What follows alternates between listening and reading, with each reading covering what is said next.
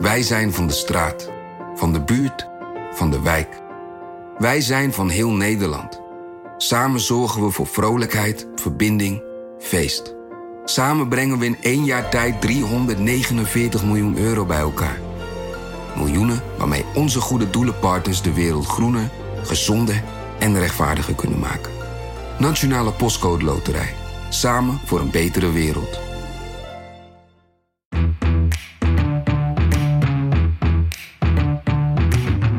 Dit is Haagse Zaken van NRC. Ik ben Lemia Aharouai. Net zoals deze generatie volgende generaties niet mag opzadelen met een onhoudbare staatsschuld, mogen we ook geen milieuschuld doorgeven.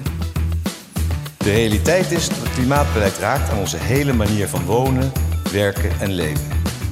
Deze week vertellen we je over politiek en klimaat. Je kan wel stellen dat dat op het Binnenhof nogal speelt de afgelopen tijd. Dit klimaatbeleid faalt. En dan is het klimaatakkoord nog niet eens definitief, voorzitter.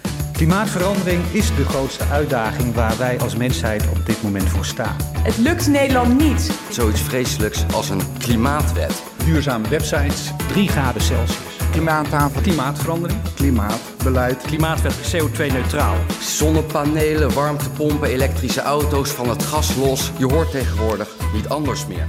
Ja, en zij en wij zijn voorlopig ook nog niet van dit onderwerp af. Klimaattop in Katowice wordt dit weekend afgerond. De klimaatwet werd vorige week besproken door de Tweede Kamer. En de klimaattafels, die zijn er ook nog en die zijn bijna klaar. Volgende week vrijdag wordt het klimaatakkoord verwacht. Of iets dat erop lijkt. En op de achtergrond speelt Urgenda ook een zeer belangrijke rol. Daar gaan we het allemaal over hebben de komende tijd. Het is wel een goed moment om in Haagse zaken stil te staan bij. Aan de ene kant aan welke afspraken Nederland zich heeft gecommitteerd. En hoe daar in Nederland over na wordt gedacht. En aan de andere kant hoe politieke partijen worstelen met dit dossier. In een context van boze, ontevreden burgers. Al dan niet in geel hesje. Bij mij Erik van der Wallen, redacteur Energie en Duurzaamheid bij NRC tussen alle klimaatgekten dus ook nog eventjes de tijd gevonden om eh, naar Den Haag te komen. Zeker, met veel plezier. En Tom-Jan Meijers, politiek columnist van NRC. Ja. Om het te hebben over wat er in Nederland gebeurt, is het wel eerst goed om over de grens te kijken. Want zo'n klimaatprobleem houdt zich niet aan landsgrenzen. Dat horen we politici vaak genoeg zeggen. Dus uh, er zijn nogal wat internationale akkoorden waar we ons aan hebben gecommitteerd. Van het verdrag van Rio tot Kyoto, tot het Bali Action Plan, tot het akkoord van Kopenhagen. Uh, allemaal niet heel erg concrete plannen. Kamerlid Matthijs Sinot van D66 die ging uh, met een kater weg uit Kopenhagen, vertelde hij niet zo lang geleden nog in de Tweede Kamer. Hoewel daar de afspraak werd gemaakt om binnen de 2 graden opwarming te blijven, ging iedereen toch met een kater naar huis. Het gevoel van urgentie en actie ontbrak rondom die top. Kunnen we klimaatverandering, zo'n grote bedreiging voor ons gezamenlijke leven op aarde, nou echt niet gezamenlijk aanpakken? Maar toen werd in 2015 het Parijsakkoord gesloten. L'accord de Paris pour le climat est accepté. Goedenavond. Na een uitputtingsslag van twee weken, na nachtenlang onderhandelen en zelfs verlenging van de top, is het een half uur geleden dan toch gelukt. Op de klimaatconferentie in Parijs is een akkoord bereikt. Ministers van de 195 landen zijn het eens geworden over maatregelen tegen klimaatverandering. Een baanbrekend historisch akkoord wordt het genoemd. Volgens dat akkoord mag de temperatuur op aarde niet meer dan 2 graden stijgen, het liefst met niet meer dan anderhalve graad. Verder moeten de afspraken elke vijf jaar worden aangescherpt als dat nodig is. En er komt vanaf 2020 jaarlijks 100 miljard dollar beschikbaar voor arme landen die de gevolgen van die klimaatverandering moeten opvangen. Baanbrekend, historisch, waarom is dit akkoord anders dan de voorgaande? Um, ik denk dat hier uh, eigenlijk de basis is gelegd voor heel veel discussies die we nu voeren. We hoorden het al zeggen, uh, de maximale uh, opwarming moet 2 graden zijn, niet meer. Uh, liefst anderhalf. En dat is eigenlijk ook het, het, uitgangspunt voor zowel de klimaatwet als uh, de klimaattafels. Dat we in Nederland proberen in te vullen. In Parijs was vooral natuurlijk een principeafspraak. Alle landen moeten zelf voor de invulling zorgen van al die maatregelen. En eigenlijk wat er nu gebeurt in Katowice is een vergelijkbare conferentie. Daar zie je hoe moeilijk het is om die mooie principes, om die waar te maken met het concrete maatregelen. Dat zien we in Nederland ook. Ja, want wat gebeurde, kun je ons even bijpraten hoe hoe dat gaat tot nu toe in uh, Katowice? Um, daar zie je dat met name door uh, toch de terug, terugtrekkende bewegingen van Amerika, zie je dat het, het blok dat eigenlijk uh, in Parijs voor succes zorgde, China, Amerika en ook de Europese Unie, dat is uiteengevallen. En um, je ziet nu dat uh, er gewoon hele moeilijke discussies zijn. Bijvoorbeeld, uh, we hoorden het al zeggen over die 100 miljard. Er moet uh, jaarlijks gewoon veel geld worden overgemaakt. Dat tenminste, dat principe is afgesproken in Parijs. Van de rijke landen naar de arme landen. En ja, dat, op het moment dat er moet, moet worden betaald, is dat natuurlijk altijd even een pijnlijk proces. Zeker omdat bijvoorbeeld China vaak nog aan de kant van de ontwikkelingslanden zit. Dus dat geeft allerlei politieke oh ja? spanningen. Zit China aan de kant van de ontwikkelingslanden? Ja, je ziet dat. dat rijk land. ja, dat is een heel rijk land. Maar um, je ziet dus dat het uh, ja, allerlei, tot allerlei uh, feitelijke problemen ja, leidt. Dat is het nadeel sowieso van heel veel klimaatdiscussies. We zijn het er allemaal met elkaar over eens. Maar op het moment dat er betaald moet worden, op het moment dat andere bepaalde groepen het slachtoffer dreigen te worden, dan zien we hoe moeilijk het is. Ja, ja. ik las dat ook Turkije zich probeert te, te laten degraderen tot een van de ontwikkelingslanden. Ja, tijdens, ja, ja precies.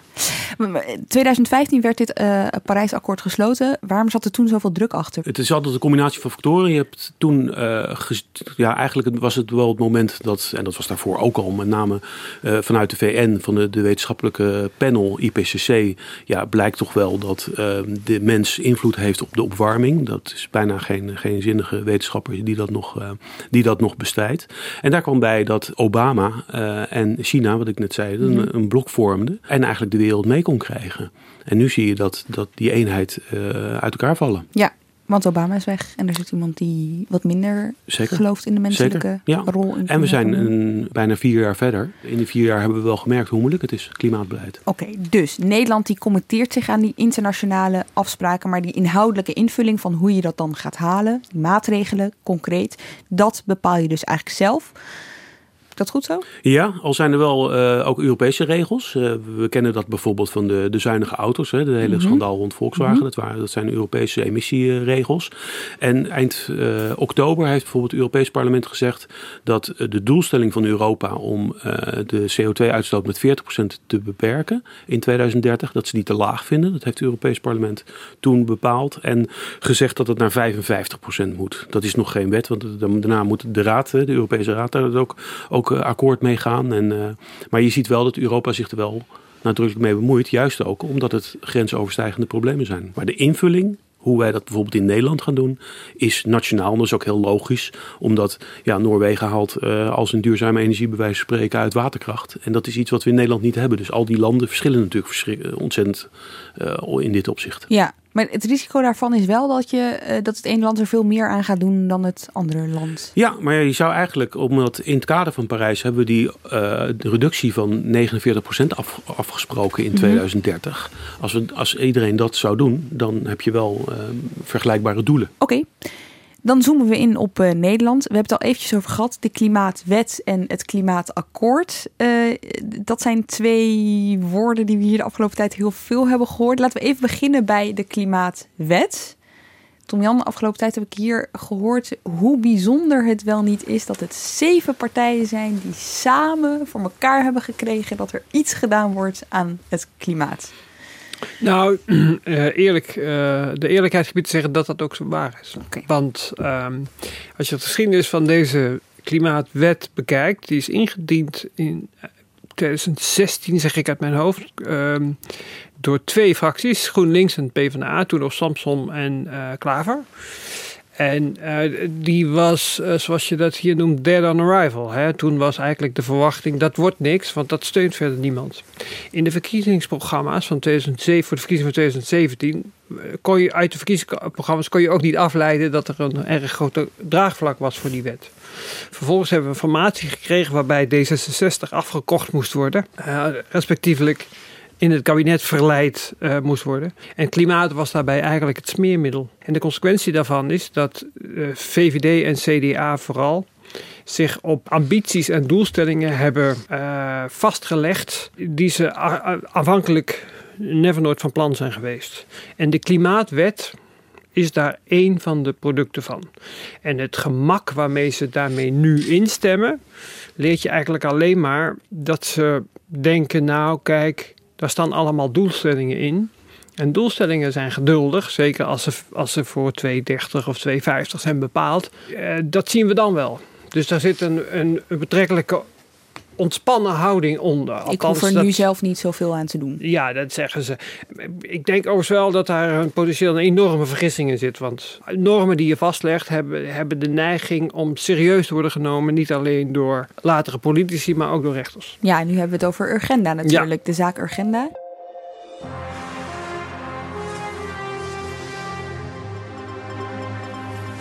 Goedemorgen. De Nederlandse staat moet in 2020 de uitstoot van broeikasgassen met tenminste 25% hebben teruggebracht ten opzichte van het niveau in 1990. Dat heeft de rechter in Den Haag bepaald in een zaak die was aangespannen door klimaatorganisatie Urgenda. Op de staat rust tegenover Urgenda de rechtsplicht om te bewerkstelligen dat de uitstoot in Nederland in het jaar 2020 zal zijn gereduceerd met ten minste 25% ten opzichte van het jaar 1990. If your government isn't cutting it, sue them. Vraag is of de uitspraak ook daadwerkelijk tot een ambitieuzer klimaatbeleid zal leiden. VVD heeft gezegd, wel nee, dat is helemaal niet nodig. Dus de regering gaat hier niets aan doen. Ook in hoger beroep dwingt de rechter het kabinet om meer te doen tegen de uitstoot van CO2. Ja, wat belangrijk is hierbij om te weten, Erik, is dat Urgenda voor een deel is gebaseerd op beleid uit Balkenende 4. Hè? Ja, toen werd eigenlijk ingezien van uh, als we ja, uh, schoner willen worden, als we het eh, klimaat willen beschermen, dan moeten we terug in de CO2-uitstoot. En toen is uh, eigenlijk afgekondigd van ja, dan zou 2020 een reductie van, van een kwart ten opzichte van 1990 zou een goede eerste aanzet zijn. Dat is later losgelaten, vooral ook omdat Europa dat niet, zozeer, niet zo zag zitten. En we zijn altijd bang om dan alleen te staan. Mm -hmm. Ook vanuit concurrentieoogpunten kan dat nadelig zijn. Uh, die ze hebben dat weer losgelaten, maar door, door Urgenda en ik geloof nog eens uh, 900 andere betrokkenen, is dat een aanleiding geweest om naar de rechter te stappen en dat alsnog af te dwingen. En tot ieders verbazing is dat ook zowel in de eerste aanleg als in hoger beroep uh, is die eis ingewilligd. Om maar te zeggen, Tom Jan, zo'n klimaatwet ondertekenen en dan denken naar van later de zorg, dat kan dus problematischer uitpakken dan dat. Ja, voorkomen duidelijk. Dus, uh, uh, maar het is het voordeel van als je het nu doet, als je nu als VVD of welke partij ook de klimaatwet steunt, dan kun je, je kunt je vertreffelijk presenteren als een klimaatminnend politicus, zonder, terwijl het tegelijkertijd voor deze kabinetsperiode consequentieloos is. Wat staat er in die klimaatwet? Uh, de klimaatwet regelt bijvoorbeeld dat er iedere vijf jaar een klimaatplan moet worden opgesteld. En het einddoel van de klimaatwet is 2050, uh, waarbij dan sprake moet zijn van een reductie van 95% uh, CO2, broeikasgassen. Dat is nogal wat. En 2030 wordt als een soort opstapmoment gezien, die 49%. Dat is niet wettelijk verankerd, maar 2050 wel. Mm -hmm. En de bedoeling is ook om het echt een rol te laten spelen in de politieke discussie, een, een structurele rol. Uh, bijvoorbeeld dat er iedere vierde uh, donderdag van oktober een soort klimaatprinsjesdag, een soort klimaatdag wordt gehouden. Uh, waarbij dus wordt gekeken hoe het beleid is geweest, wat er is bereikt. En uh, waar dus ook een soort afrekening kan plaatsvinden. Een jaarlijks evaluatiemoment eigenlijk. Ja, zeker. zeker ja. Oké. Okay. Zeven partijen die er aan mee hebben gedaan, is ook wel hè, van, echt van links tot aan rechts. Maar toch merkte je wel dat niet iedereen per se stond te trappelen om deze wet. Wat vandaag een unieke en historische dag maakt, is dat de initiatiefnemers gezamenlijk een grote stap hebben gezet om een reductie van 95% CO2 in 2050 daadwerkelijk te bereiken. Door doelen en een verantwoordingskader neer te leggen dat vele kabinetten, ik zei het al, en Tweede Kamers na ons bindt aan een tijdige en toekomstbestendige aanpak van klimaatverandering. Voorzitter, dank u wel. Ja, de PVV sluit zich eh, niet aan bij de felicitaties van de voorgaande partijen. Ja, voorzitter, de verschillen tussen de partijen hier in vak K zijn nog nooit zo groot geweest. En zelfs in de coalitie rammelt het aan alle kanten. Maar als er iets is waar al deze partijen in vak K het wel over eens zijn, dan is het zoiets vreselijks als een klimaatwet niet uh, iedereen is er dus even enthousiast over, zou je wel kunnen zeggen.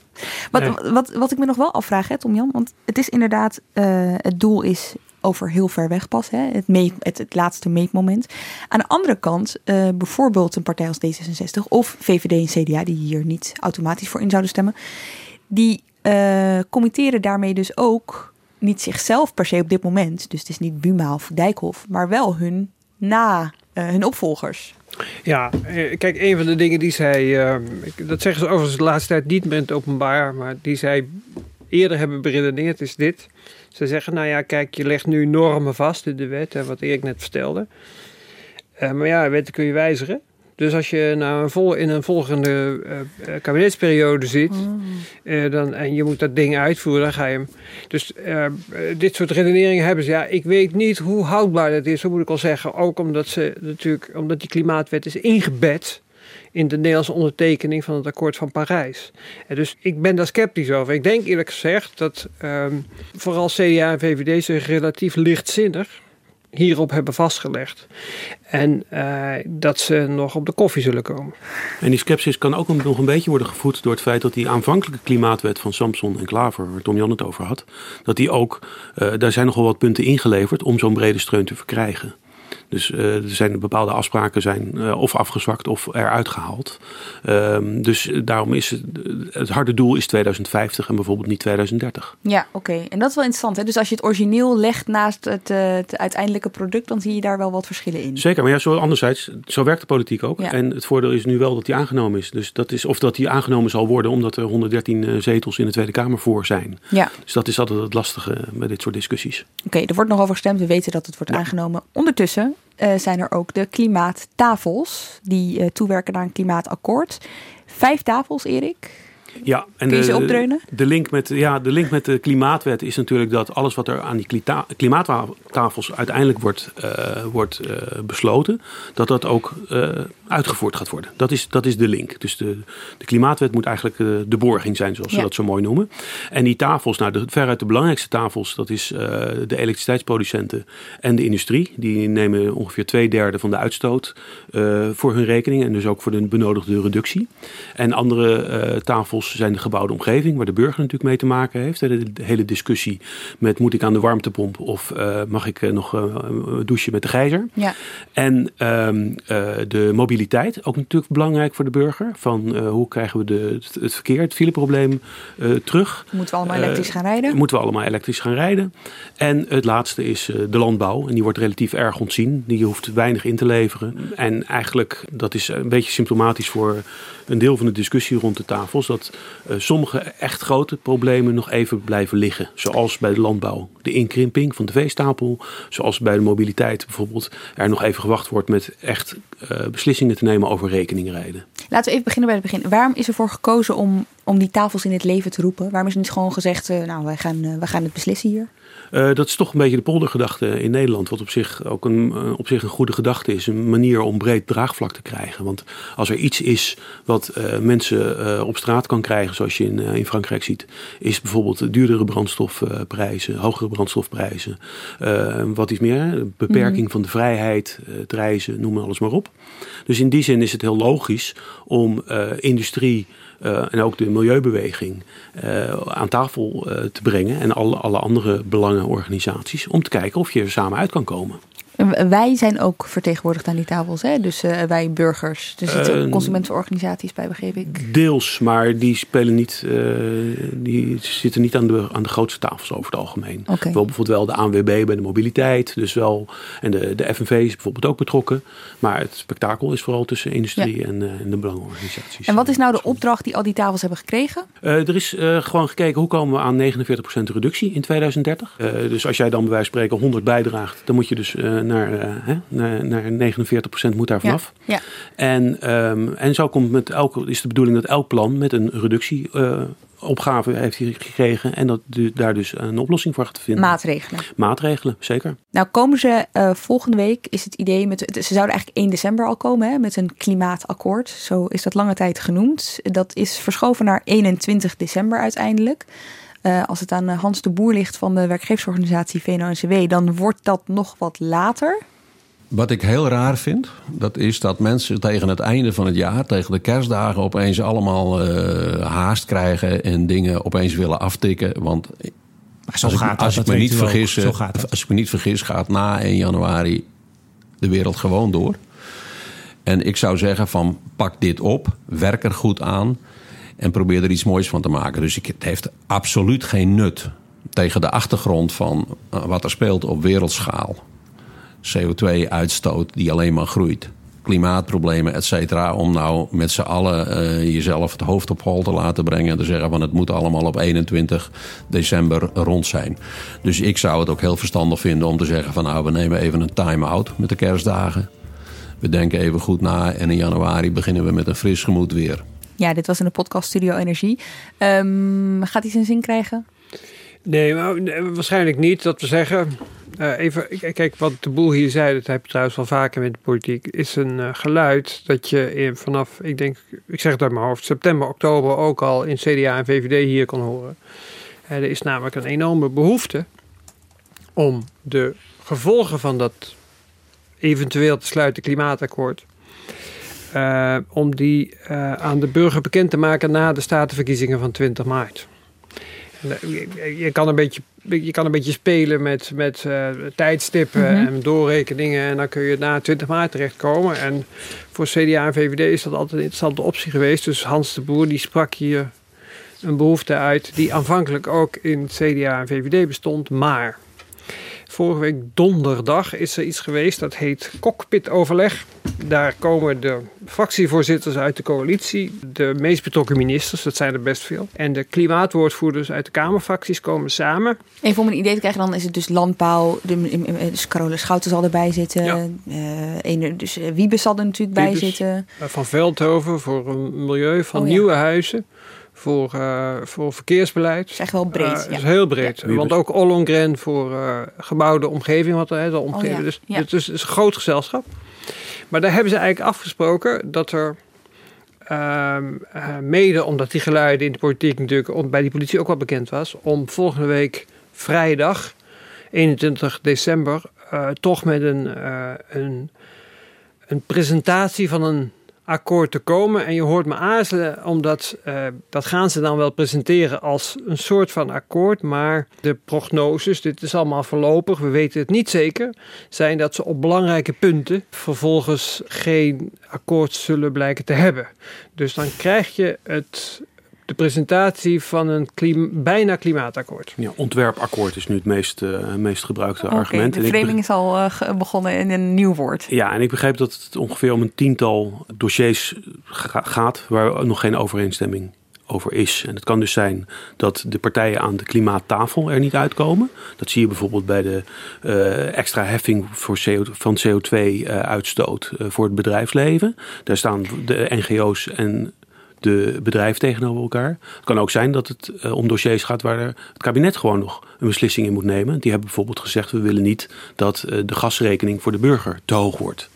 Dus dat zijn, het is nog een divers, uh, divers geheel aan, aan dossiers wat nog uh, Maar als dat nog allemaal open ligt, dan kan je toch eigenlijk zeggen wat. Dan kun je toch gewoon doen wat de boer zegt. Dan, dan ben je er toch gewoon nog niet uit. Dan ga je toch nog even verder onderhandelen. Ja, maar ik denk eerlijk gezegd dat. Maar goed, dit is voorspelling en daar moet je altijd voorzichtig mee zijn. Dus ik, ik, ik onder nadruk dat ik het ook niet zeker weet. Maar ja. ik denk dat het heel waarschijnlijk is dat ze op belangrijke, uh, zo, zo niet de meest gevoelige punten uh, Erik noemde een aantal net, uh, dat ze daar uh, geen akkoord zullen over bereiken. En dat je dan wel het proces van doorrekenen en zo, dat je dat in werking stelt. Zodat je inderdaad voor de verkiezingen van 20 maart maatregelen uit het klimaatakkoord doorgerekend zult hebben. Behalve dat de meest gevoelige maatregelen, uh, dat ze daar nog geen akkoord over hebben, dat je daar ook de effecten niet van kunt hebben. Ja. Dus het is een beetje een, ja, dit is een gevaarlijke operatie. Ik denk dat, uh, dat dit wordt eigenlijk, dit is verwachtingenmanagement. Eigenlijk van, van weerskant. Ik, ik, ik kijk, um, de kunst zal zijn volgende week de slag om de beeldvorming te winnen. Althans de politieke kunst. Dus je kunt er natuurlijk van zeggen, nou, ze hebben toch, ze zijn heel ver gekomen. We hebben bijna overal overeenstemming ja. over. 10 puntjes niet. Maar ja, we hebben hier 98 punten liggen. Best ja. hebben. En je kunt natuurlijk zeggen, als je van de oppositie bent. Ja, nou zeg, anderhalf jaar zitten wachten op dat kabinet. En nou hebben ze, nou hebben ze de nog belangrijkste dossiers hebben ze geen. Dus ja, dus, uh, ja dit, wordt een, dit wordt een fascinerend politiek moment. En de, de, de, problematiek is zo groot dat je ook kan afvragen. En dat zijn ook critici van uh, Hans de Boer die dat, die dat zich openlijk afvragen. Als je een time-out hebt en je bent dan drie maanden verder. Misschien begin april na de verkiezingen is de werkelijkheid dan echt zo anders dat je wel tot oplossingen komt. Wiebes zei uh, eind november nog in een commissievergadering overigens dat hij niet van plan is om er zo'n derde ronde nog aan toe te voegen. Nou, er is uh, geen enkel voornemen van het kabinet om een derde helft te hebben. Uh, ik dacht dat de derde helft dat het bier drinken na de wedstrijd was. Eh, daar, daar, daar is misschien in sommige delen van het kabinet meer belangstelling voor.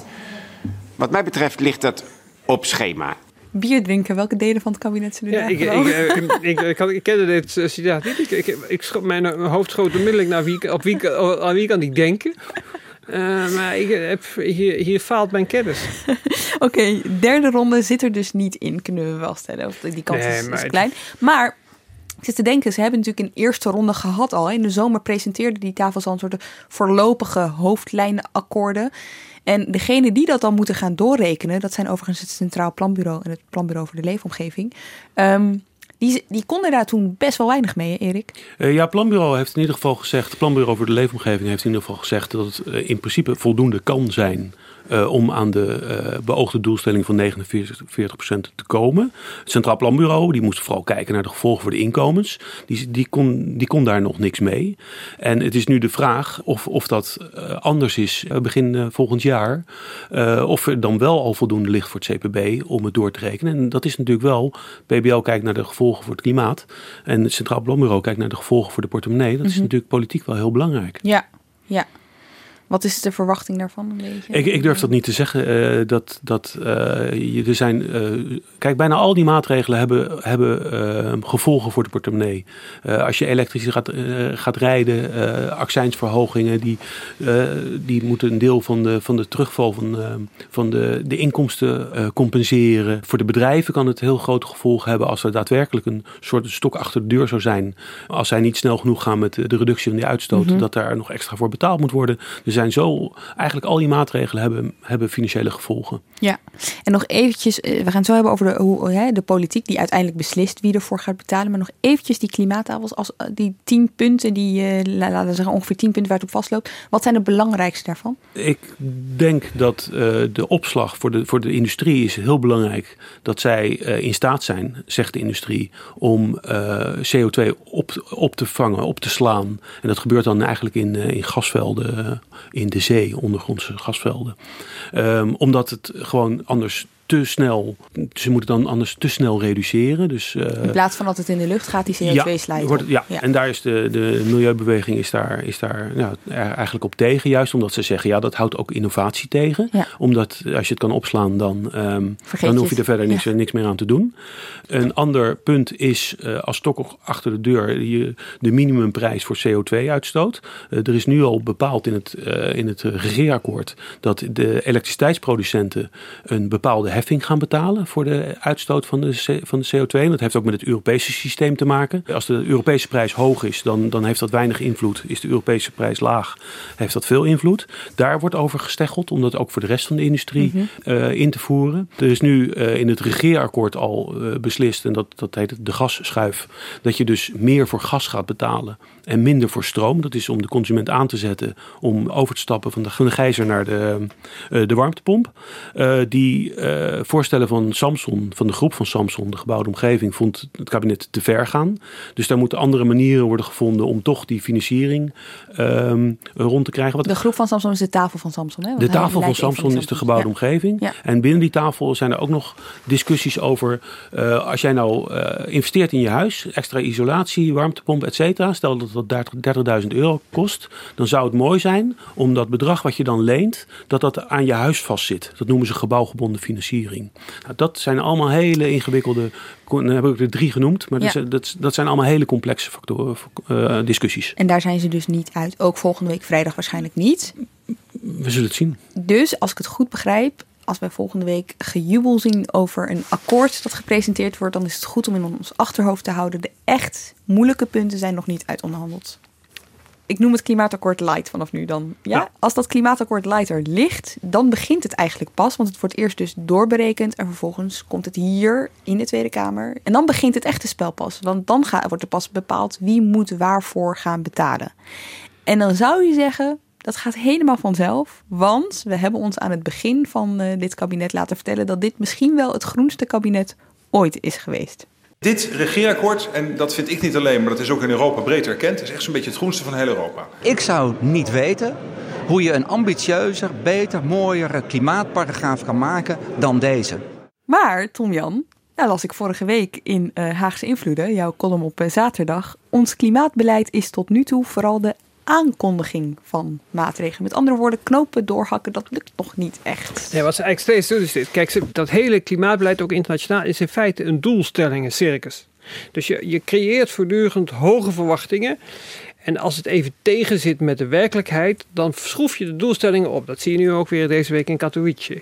Dus dat is de ene kant. Aan de andere kant, feitelijke maatregelen worden uh, teleurstellend weinig genomen. Dus er staan hier eigenlijk twee werkelijkheden voortdurend in elkaar en die strijden met elkaar. Dus eh, kijk, eh, politici die, uit, die uitspreken, nou, wij gaan echt de, de meest schitterende dingen met het klimaat doen. En vervolgens politici die zeggen, ja, maar maar dat, dat voorstel, daar ben ik het toch niet zo mee eens. En wat de politiek dus eigenlijk heeft gedaan, is door voortdurend die doelstellingen om te omarmen en op te schroeven en te zeggen hoe groen ze zijn, hebben ze gesuggereerd dat ze ook maatregelen gaan nemen. En wat eigenlijk telkens blijkt, is dat als je een Kamerdebat bijwoont, dan gaat het altijd over doelstellingen. Dat gaat over percentages CO2 of megatonnen. Allemaal dikke mist. Voornemens. Je weet het niet. Ja. En, de, en vervolgens als het puntje bepaald je komt, als ze maatregelen moeten nemen, aarzeling, terughoudendheid, Buma, gele hesjes. Ja, nou ja, Buma, gele hesjes. Over Buma gesproken die nam het de afgelopen tijd uh, veel op voor de gele hesjes. We hoorden hem net nog eventjes uh, trots zeggen dat uh, dit de groenste paragraaf ooit was. Maar de afgelopen weken hebben we hem vaak horen zeggen... die gele hesjes die moeten aan de klimaattafel ja. meepraten. Um, wat ik dan denk is, wat er nu gebeurt, daar heeft hij toch zijn handtekening onder gezet. Zeker, maar Buma Gele Hesjes, die uitspraken. Ik, het viel me op, afgelopen zondag zat hij in Buitenhof en toen werd hij ook weer met die uitspraak geconfronteerd. Dat de gele hesjes moeten aan tafel. In Frankrijk is het haaks op elkaar komen te staan. Daar heeft Macron gezegd: ik ga vergroenen. En zonder overleg komt daar een, uh, een accijnsverhoging. Daar komt men meteen tegen in opstand. Waarom? Omdat hij zelf niet nagedacht heeft over het feit dat heel veel gewone Fransen die uh, de maand willen halen, ook met hun auto vaak van het platteland naar de grotere stad moeten. Dan kan je zeggen, ja sorry, maar jullie zijn niet groen. Dat zijn echte mensen met echte zorgen over hun echte leven de, de, de, uitspraak van jullie denken over de toekomst van de wereld, maar wij kunnen het eind van de maand niet halen. Dan kun je van bovenaf naar kijken en ja sorry, het eind van de wereld is belangrijk. Maar deze mensen maken zich echt die zorgen. En als de politiek, dat is mijn grote punt. En dat zijn de mensen waarvoor u in Nederland op de bres staat. Maar ik vind dat de hele politiek in Nederland voor op de bres zou moeten starten. Ja, eh, kijk, een paar dingen hierover. Eerst was het toch even dit over die gele hesjes aan, aan die klimaattafels. Want dat was me toch een flauwekul. Het is, ik vind dat dat iets te weinig aandacht heeft gehad. Want in het regeerakkoord dat hij heeft ondertekend staat... we gaan een uh, nationaal klimaat- en energieakkoord maken. Daarvoor is ingericht die klimaattafels. Daar staat, dat is allemaal het plan dat hij zelf heeft goedgekeurd. Hij is vanaf vorig jaar zomer is die aarzeling gaan uiten over die klimaattafels. Ja, dat was inhoudelijk gericht, dat kon je verdedigen dat hij dat deed. Maar nu zegt hij, kijk die tafels dat zijn, die zijn zo ingericht, want jij zei het net ook, de politiek, het kabinet en de Kamer hebben de eindredactie. Die beslissen uiteindelijk. Dus waar die tafels mee komen, zijn op zijn best voorstellen. En wat hij nou zegt is, als die tafels bezig zijn, moet de burger meepraten. Maar de burger praat in de politiek mee op basis van de volksvertegenwoordiging, waar de heer Buma een nogal prominent lid van is. Dus om dat, om dat zo te brengen, vond ik echt heel vreemd en ja, eerlijk gezegd ook een beetje stoord. Ik denk, wat is dit voor flauwekul eigenlijk? En, het, en het, de interpretatie die eraan is gegeven, en die begreep ik heel goed, is dat in politieke debatten, in politieke gesprekken over dit onderwerp, is het CDA, heeft het CDA heel vaak de neiging om om de rem te staan. Dat zijn, dat zijn, dat zijn, er zijn talrijke voorbeelden van. Ehm, en dat is dan vooral de CDA-fractie. Want het is allemaal heel dubbelzinnig. In het kabinet wordt er ook veel over gesproken. En dan heb je bijvoorbeeld uh, Hugo de Jonge, die als vicepremier meepraat. En die is buitengewoon effectief bestuurlijk. Die, die praat mee en zoekt naar een oplossing. Maar de CDA, vanuit de CDA-fractie krijg je hele andere geluiden. Nou zit daar ook nog een politiek logica in, moet ik ook zeggen. En dat is, Buma heeft zich voorgenomen de cultureel conservatieve kant van het electoraat af te dekken voor deze coalitie. Daar zijn ze het in die coalitie ook over eens. Dat is de rol die Buma heeft. En wat hij probeert, denk ik, met, met deze optredens, is die rol te vertolken. Um, het, het, het vreemde hieraan is alleen dat het niet zal blijken, het, zal- het zal blijken dat het niet is vol te houden. Want die doelstellingen zijn er. Die, het commitment is gemaakt, ook door hem, ook door zijn partij. Dus of ze kunnen denken, eh, we zien het wel en eh, we maken er het beste van. En eh, we hopen dat we door zoveel mogelijk op de rem te staan de schade beperken. Of ze kunnen denken, we hopen dat de VVD met Rutte, met Wiebes, met Nijpels... te veel naar links zwengt in, in hun ambitie... om ambitieus klimaatbeleid om te zetten in voldoende concrete maatregelen. Dat het CDA Dat aan de opvult. rechterflank dat gat opvult en eventueel... eh, in, in, in, ik- dit is een onderwerp dat echt heel gemakkelijk tot een kabinetscrisis zou kunnen leiden. Vanwege de supergevoeligheid van zoveel, mogelijk, van zoveel maatregelen die hieronder liggen. En dan is dit dus nog iets wat ook nog redelijk ver ligt. Hè? Maar als we het hebben over gevoel, dan is het toch interessant om het nog even over Urgenda te hebben, waar we, net, waar we het net al eventjes over hadden. Hè? Eh, want Urgenda gaat over nu. Urgenda gaat over 2020. Ja. Dat is over anderhalf jaar. Dat is over een jaar ongeveer. Eh, wat betekent dat dan voor die coalitie? Want dit is nog iets waar je dan nog een beetje elkaar kan sussen en zeggen, nou we komen er wel doorheen. Maar maar voor ja. Urgenda moet je meteen aan het werk. Kijk, Urgenda komt erop neer dat je dat, dat ik, hè, klimaattafels en zo, klimaatwet, dat is allemaal 230, 250. Urgenda, daar ligt een doelstelling of een verplichting op basis van een recent arrest van, de, van het Hof in Den Haag om 25% CO2-reductie in 2020 te realiseren. Nou is de vraag hier, en, en dat betekent dat het kabinet en de coalitie los van, die, van het klimaatakkoord, los van de klimaatwet, eh, volgend jaar beleid moet maken om dat arrest van het Hof na te leven. Nu zit daar één onzekerheid in en dat is, Planbureau voor de Leefomgeving moet nog doorrekenen op welk percentage CO2 terugdringing zij verwachten dat Nederland in 2020 zal, sta- 2020 zal staan. En dat is op basis van wat we nu al doen. Dus Dat is op basis van beleid, maar ook ja, economische groei. eh, eh, ja, er zijn allerlei factoren. Ja, en in 2017 hebben, hebben zij bepaald dat het ongeveer uit zal komen. En die range is heel groot. Tussen de 19 en 27 procent. Dus dat kan goed nieuws zijn omdat 25 daarin zit. Maar het, voelt al aan eh, dat eh, eh, ze gingen toen uit van 23 procent. Eh, dat, dat, zou, dat, is nog haal, dat, dat is nog te repareren, bij wijze van spreken. Maar bij 19% zou dat natuurlijk al een stuk moeilijker zijn. En juist door de economische groei. En we, zagen ook, we hoorden ook straks in een fragment die wereldwijde uitstoot van CO2 dat die was gestegen. Dat vindt natuurlijk in Nederland ook plaats. Dus in die zin kunnen we denk ik niet al te optimistisch zijn. En een paar weken geleden was er nog een, een, een nieuwe studie die had het over 15% Dat is misschien wel erg laag. Maar eh, als we tussen 15 en 25% zitten, en, dan kan het al snel tot hele moeilijke discussies, hele moeilijke beslissingen gaan leiden. En in de coalitie, wat belangrijk is, in de coalitie hebben ze na het arrest van het Hof met elkaar gezeten en hebben ze gezegd. Als wij twee kolencentrales die we toch al gaan sluiten, versneld sluiten, één in Amsterdam en één in Geertruidenberg in Brabant, eh, dan lukt het ons wel om agenda na te leven. En de percentages die Erik net noemde, en die in circulatie zijn, eh, zou je dat, dat zou lang niet voldoende zijn om dan tot die 25% in, in 2020 te komen. En dat zou betekenen dat dit kabinet voor het eerst geen maatregelen voor de volgende kabinetsperiodes in moet boeken, maar maatregelen voor de eigen kabinetsperiode moet inboeken. En dat is natuurlijk veel interessanter en spannender, want daar wordt het commitment aan het klimaat echt getest. En nou ja, fascinerend eigenlijk. Ja, want als je dan nu de, als je dan kijkt naar die opstelling van Buma, ja. dan denk je dat gaat nog moeilijk worden. Nou ja, kijk, de resultaten van het PBL die komen begin januari. Die gaat dan zeggen, wij verwachten dat Nederland op, op dat en dat eh, percentage CO2-reductie in 2020 uitkomt. Ja. Dus dat weet je niet zeker. Maar je hebt, mocht het inderdaad zo zijn, die, het sluiten van, ehm, van, die, van die kolencentrales, zoals we het eerder hadden, dat dat niet onvoldoende is, dan kom je.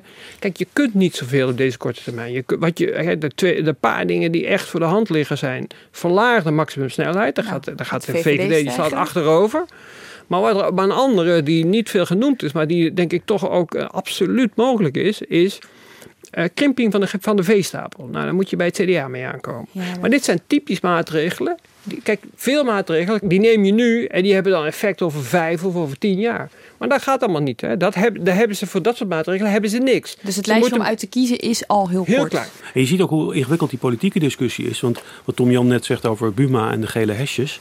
Tegelijkertijd zie je dat de energierekening eh, oploopt. Eh, ook voor de mensen met een wat, eh, wat krappere portemonnee. Omdat de korting op de energiebelasting terugloopt. En dat is bewust beleid van, de, van het kabinet. Dus je ziet, dus aan de ene kant wordt er gezegd... eh, we moeten oppassen dat we, hè, we moeten de burger meekrijgen. Aan de andere kant zie je dat eh, het gewoon door... Ja, eh, van, dat is een van de opties die het kabinet heeft, zie je dus dat die rekening omhoog gaat. Maar dan hoor, ik, eh, eh, dan hoor ik bijvoorbeeld iemand als uh, Segers zeggen... ja, maar het gaat om het totaalplaatje. Dus je moet alle rekeningen naast elkaar leggen. En dan zie je bijvoorbeeld dat je inkomstenbelasting... dat je daar minder uh, aan betaalt. Dus als je alles naast elkaar legt, Ja. dan onder de streep... ga je er niet op achteruit. Ja, zeker. Maar oh, zo'n energierekening krijgt, dat zie je ook in Frankrijk, natuurlijk ook eh, Ja. brandstof. Dat krijgt natuurlijk ook een hoge symbolische waarde. Ja. En GroenLinks eh, wilde toen op zich mee, meedoen met het belastingplan. Maar dit was uiteindelijk de bottleneck. Ja, ja. Over GroenLinks gesproken, hè? want eh, je hebt natuurlijk eh, het opnemen voor de burger. Dat doet Buma dan bijvoorbeeld. Eh, je hebt ook iemand die zich juist dan weer keert tegen de industrie. En het is toch belangrijk om even te horen, dat is dan Jesse Klaver, daar gaan we zo naar luisteren. Maar het is toch belangrijk, stel het lukt. Stel die klimaat, dat klimaatakkoord light komt er. En er wordt over gedebatteerd. En het komt tot maatregelen. Dan zijn we echt al een half jaar tot een jaar verder. Hè? Dan heeft het kabinet al minderheid in de Eerste Kamer. Waarschijnlijk, ja. Hoogstwaarschijnlijk, Hm. kunnen we denk ik wel stellen. Ja. Dan hebben ze dus de oppositie nodig om dit soort maatregelen doorheen te krijgen. Ja. Waaronder Jesse Klaver, die zich dus heel anders opstelt. En dat doet hij nu al over eh, dat klimaatakkoord. Laten we even luisteren. Uh, dit is het moment van de waarheid. Er moet nu een klimaatakkoord worden gesloten om ervoor te zorgen dat we klimaatverandering stoppen. Maar ik zie dat er eigenlijk dreigt dat er geen akkoord komt. En volgens mij heeft dat alles te maken met de rol die de grote industrie op dit moment aan die tafel speelt. En wat mij betreft is er maar één kans op een akkoord. En dat is als uh, premier Rutte zegt tegen die zware industrie en tegen het grote bedrijfsleven: ga maar weg van tafel, uh, want met jullie erbij lukt het niet. Wat je ziet is dat als Mark Rutte het opneemt voor zijn vrienden in het bedrijfsleven, zoals hij deed bij de dividendbelasting, dan komt het kabinet in de problemen. Ik denk echt dat het verstandig is als de premier nu leiderschap toont en zegt: bedrijven, als jullie niet willen veranderen in Nederland, dan is er voor jullie geen plaats aan die tafels. En daar zetten we dan Buma over het bedrijfsleven tegenover. Ik denk uh, aan twee dingen. Eén, al die mensen die bij die ondernemingen werken. Of het nu is in de staalindustrie, in de auto-industrie, de chemische industrie. Daar moet heel veel gebeuren. Maar het is maar een enkele druk op de knop bij hoofdkantoren, vaak buiten Nederland. En het bedrijf gaat naar een ander land waar het vaak nog meer CO2 uitstoot. Ik kom op voor een compromis tussen de industrie en de, de, de andere organisaties aan tafel. Dat wordt leuk onderhandelen zo. Ja, maar kijk, ik zeg, ik, kijk, beide stellingnamen zijn eigenlijk een beetje nep, vind ik eerlijk gezegd. Hoe zit dat nou? Kijk, het, er komt geen klimaatakkoord op het punt van CO2 en groot bedrijf. Dan kan, dan, het, het, het staat de politiek, het kabinet, de Tweede Kamer volstrekt vrij om een CO2-heffing in te voeren. Het is niet zo dat als de klimaattafels het er niet over eens zijn, dat het kabinet geen beleid kan voeren. Dus dat is de ene kant. En het andere, Buma die zegt, uh, en als wij te zwaar CO2-beleid voor, de, voor het grootbedrijf invoeren, dan gaan die bedrijven weg. Dat is uitvoerig be, uh, onderzocht door allerlei zeer geloofwaardige partijen. En die komen elke keer tot dezelfde slotsom. Dat zal wel meevallen. Ja, want als je een raffinaderij op uh, Pernis hebt staan, dan sleep je die niet zomaar even naar Antwerpen. En daar komt bij dat um, uit die onderzoeken ook blijkt dat um, de Nederlandse, dat de grote industrie in Nederland een betere positie heeft in vergelijking met andere landen. Bijvoorbeeld wat betreft de goedkopere brandstofprijzen. Um, dus dat zijn hele complexe dossiers. En waarbij het is heel saai, maar waarbij de, de waarheid over het algemeen in het midden ligt. Ja. En uh, met ja. een druk op de knop uh, zomaar uh, vertrekken, dat zal ook niet zo snel gebeuren. En juist omdat er ook Europese regelingen zijn, het ETS, daar wordt al betaald voor uitstoot, zie je dat um, je kan wel naar het buitenland, maar ook het buitenland, ook België, ook Duitsland, ook Frankrijk, heeft ook getekend voor Parijs. Dus daar vinden vergelijkbare discussies plaats. het andere is dat bij het voorstel van Klaver om de industrie van tafel te halen, heel veel oplossingen die komen logischerwijs, innovaties komen natuurlijk ook uit het bedrijfsleven. Dus wij kunnen die elektrische auto's niet bouwen. Die moet het bedrijfsleven bouwen. Dus om die van tafel te halen, zou dat wellicht ook wel uh, in die zin uh, vervelende gevolgen hebben. Ja, het is ook een heleboel gewoon. Nou, hoewel het ook wel zo is dat, kijk, als je niet aan een klimaattafel zit, kun je natuurlijk nog steeds. weerhoudt niet jou om een, om een, om een slimme elektrische auto uh, te ontdekken. Ik bedoel, je gaat natuurlijk niet zeggen, nou, ik laat even die ontdekking van dat, die slimme innovatie nee. achterwege, omdat ik niet meer aan de klimaattafel mocht zitten. Ja, maar dan, dat, dat, dat is zo. Even, soms is het ook gewoon goed om even terug de geschiedenis in te gaan, hè, Tom Jan. En uh, vooral op dit dossier, want er wordt al langer gepraat over klimaat door verschillende kabinetten. Er viel zelfs een kabinet over, Lubbers 2. Ja. Verklaart dat ook een beetje hoe, uh, hoe partijen zich nu opstellen? Nou kijk, het fascinerende aan die geschiedenis is dit. Daar zitten in, in, de, in de val van Lubbers 2 zitten twee aspecten eh, die je nu opnieuw exact terugvindt. Kijk, dat kabinet dat viel over een maatregel waarbij, uh, ja dat is een, technisch ingewikkelde maatregel, maar die kwam erop neer. Je ging vervoer extra belasten voor burgers. Dat heette het reiskostenforfait. Dat was een relatief kleine maatregel overigens. En die werd genomen in het kader van toen al nationaal klimaatbeleid. Dat noemden we overigens toen milieubeleid. Maar goed, de minister die dat voorstelde was een man die heette Ed Nijpels. Aha. Dat is dezelfde Ed Nijpels die nu de klimaattafels voorzit. Wat gebeurde er nu? Er was een coalitie van CDA en VVD. Toen hadden we nog coalities, gewoon kleine partijen. Twee partijen was genoeg. Those were the days. En uh, het CDA was toen de, degene die met de meeste klimaatambities en de VVD stond op de rem. We hadden een premier, dat was Lubbers, en dat was een echt heel knappe politicus. En wat had hij gedaan? Die had twee VVD-ministers in zijn kamp gekregen. Dat waren Ed Nijpels en een andere niet onbekend gebleven politica die Nelly Kroes heette. Aha. Nijpels en Nelly Kroes, die waren, uh, die, hadden, die waren het ermee eens dat dat reiskostenforfait moest worden ingevoerd. Vervolgens kwam dat voorstel in de Tweede Kamer. Er werd uitvoerig campagne tegengevoerd door uh, de heer Wiegel en de Telegraaf en andere vertegenwoordigers van het behoudende volksdeel. En de VVD werd aan stuk gescheurd. Dus die optimisten die ik had, Nijpels, Kroes, mm-hmm. die werden uiteindelijk door de Tweede Kamerfractie in een Kamerdebat afgestraft. En de VVD stemde tegen die maatregel, waarop Lubbers zei: dan stop ik met dit kabinet. En dit gevaar, deze rolbezetting. Als je goed oplet hier in Den Haag, zie je diezelfde rolbezetting opnieuw in de VVD. Dus je hebt aan de ene kant Rutte, optimist, Wiebes, optimist. En natuurlijk Nijpels, die, die alle drie ijveren voor actief en progressief klimaatbeleid. En aan de andere kant heb je in de VVD-fractie in de Tweede Kamer, zeker ook in de Eerste Kamer, vergeet die niet, heb je voldoende behoudende stemmen op basis waarvan het helemaal mij niet zou verrassen, maar het is vooruitkijken. Het is niet zo, ik, ik kondig het niet aan, maar het zou me, het zou mij helemaal niet verrassen als uiteindelijk de maatregelen die moeten worden genomen op basis van al die doelstellingen die we steeds omarmen, dat die binnen de VVD, bijvoorbeeld op het gebied van automobiliteit, tot een enorme verdeeldheid zullen leiden. Dat, is, dat staat bijna in de sterren. En dat kan dus ook al redelijk snel, hè? Dus ik zit nou, niet te denken aan Urgenda en dat ze minder snel gaan rijden. Kijk, ja, ik, ik, ik denk dat het vaststaat dat die, dat voorstel om de, om de, om de maximumsnelheid te, te verlagen, dat, uh, dat gaan ook uh, Rutte en Wiebes allemaal niet omarmen. Dat, dat, dat durven ze echt niet. Maar vinden ze het eigenlijk wel? Uh, ik denk dat. Ik, ik kan me. Ik, nu ga ik fantaseren. Ik, ik heb het ze niet gevraagd. Dat dat vooropgesteld zijn. Ik denk dat Wiebes zo iemand is die dat kan rationaliseren. Dus die zou op zich kunnen zeggen: Nou, luister, dus als dat een effectieve maatregel is, waarom zouden we dat niet doen? Zo zit zijn hoofd in elkaar, als ik dat een beetje begrijp. Maar ik denk dat die politiek verstandig genoeg is om te snappen dat hij. Kijk, uh, op het één na laatste VVD-congres heeft Rutte nog gestaan met de mededeling: de VVD blijft de vroom-vroom-partij. Dus dat is een beetje een lullige overgang als dat dan leidt tot dit resultaat. Maar dat is dezelfde Rutte die in Katowice, uh, vanuit Katowice een interview hield met uh, CNN, waarin hij echt. Uh, Erik, het kon hem niet snel genoeg gaan. There is absolutely no alternative. If we are not going to achieve this, we as mankind have a serious problem at our hands. That means for the European Union that we have to step up our commitments. It can be done. There is no doubt. En hij gaf ook aan dat uh, ondanks het uh, terugtrekken uh, door Amerika, want het was natuurlijk een Amerikaanse zender, dat, dat Europa niet zou weerhouden om volle, volle kracht vooruit te gaan.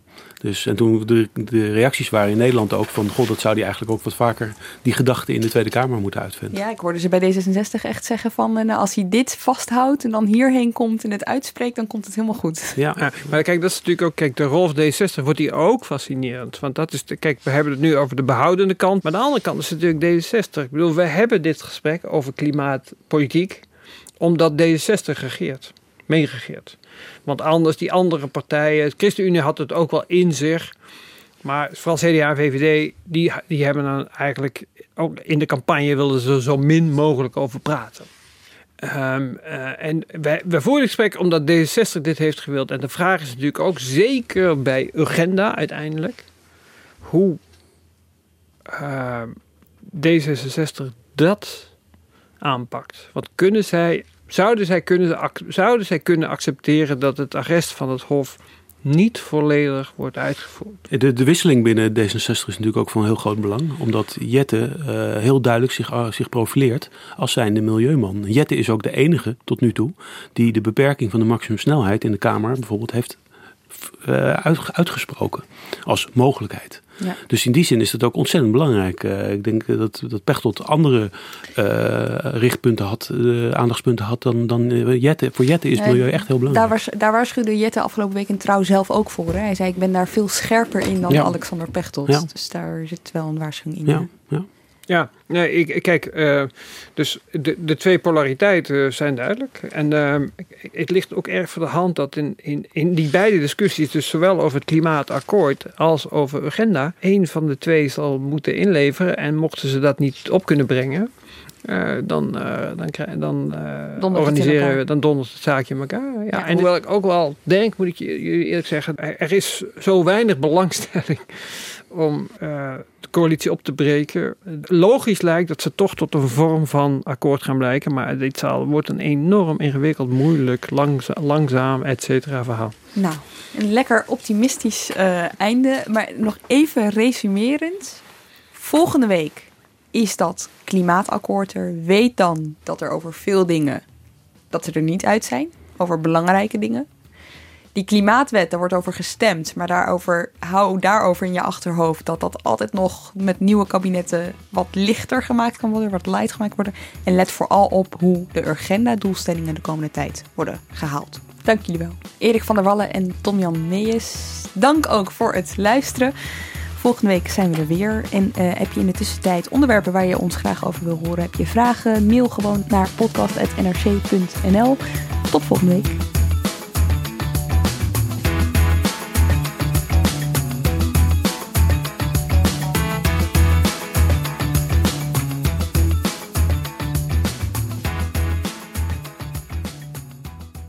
Je hebt aardig wat vermogen opgebouwd. En daar zit je dan, met je ton op de bank. Wel een beetje saai, hè? Wil jij, als belegger, onderdeel zijn van het verleden of van de toekomst? Bridgefund is een slimme fintech die een brug slaat tussen de financiële behoeften van ondernemers en van beleggers. Dus wie belegt bij Bridgefund krijgt niet alleen een mooie vaste rente, maar brengt ook ondernemers in beweging. Echt waar, met die ton kan je zoveel betere dingen doen. Bridgefund. Make money smile.